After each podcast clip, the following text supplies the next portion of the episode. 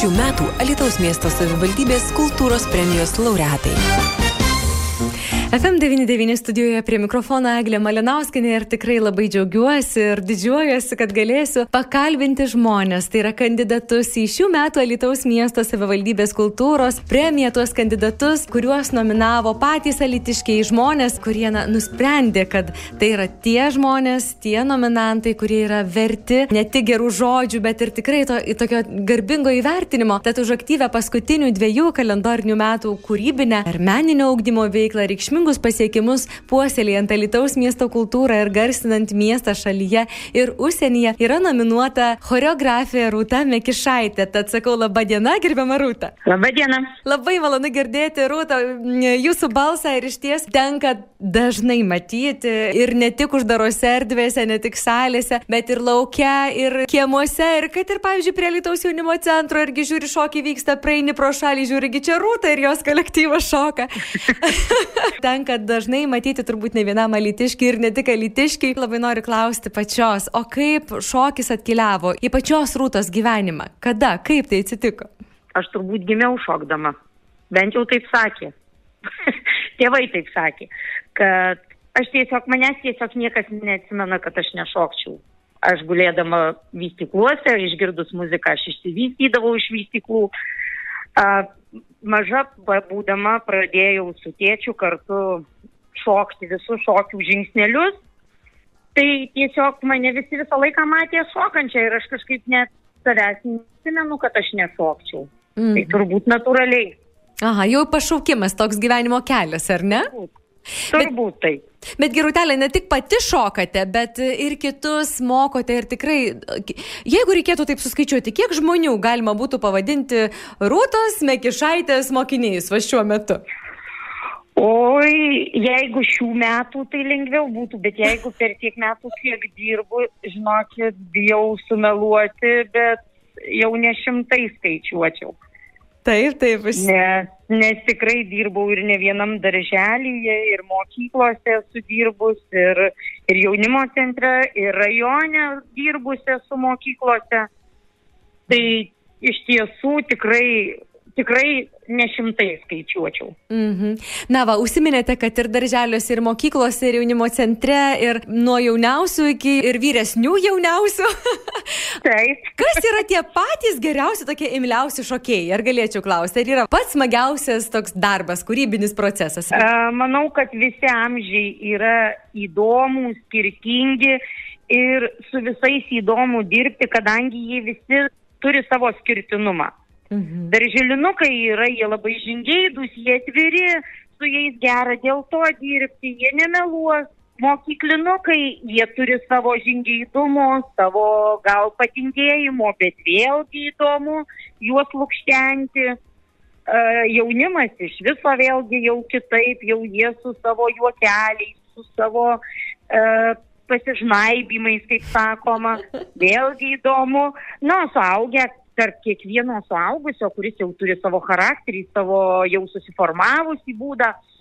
Irgi įdomu, nes nu, tai jau yra su, tie, tie, tie ir riešutėliai, kuriuos smagu gliaudyti. Nu, ir manau, kad nėra nei vienos amžiaus grupės, kurioje būtų neįdomu arba būtų kažkas tai neįmanomo padaryti. Viskas visur įmanoma, reikia tik žmonių noro. Mm, o šokio žanrai, sakykime, ar yra kažkokie, kur yra mylimesni, tokie labiau traukia žmonės? Jo, bet yra tas, kad kiekvienas turi savo mėgstamą. Yra, kurie labai dievina liaudį, aš toje pačioje srityje, kur liaudis man yra liaudiški šokiai, yra viskas Bet yra, kurie labai mėgsta pramotinius, yra, kurie labai mėgsta lininius ir kurie šio laikinius. Esmė tame, kad čia nerasim niekada, kad e, kažkurio labiausia nori.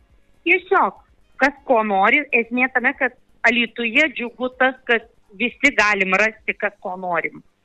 Kuris sritis mums patinka, tą mes galim pasirinkti, nes tikrai yra ir šio laikinis, ir pramokinis, ir yra ir, ir linijiniai, ir tautiniai, visi yra. Ir galimybę turi visi. Mm. Tai vien dėl to yra smagu ir, ir sakau, negaliu išskirti kažkurios vienos ryties.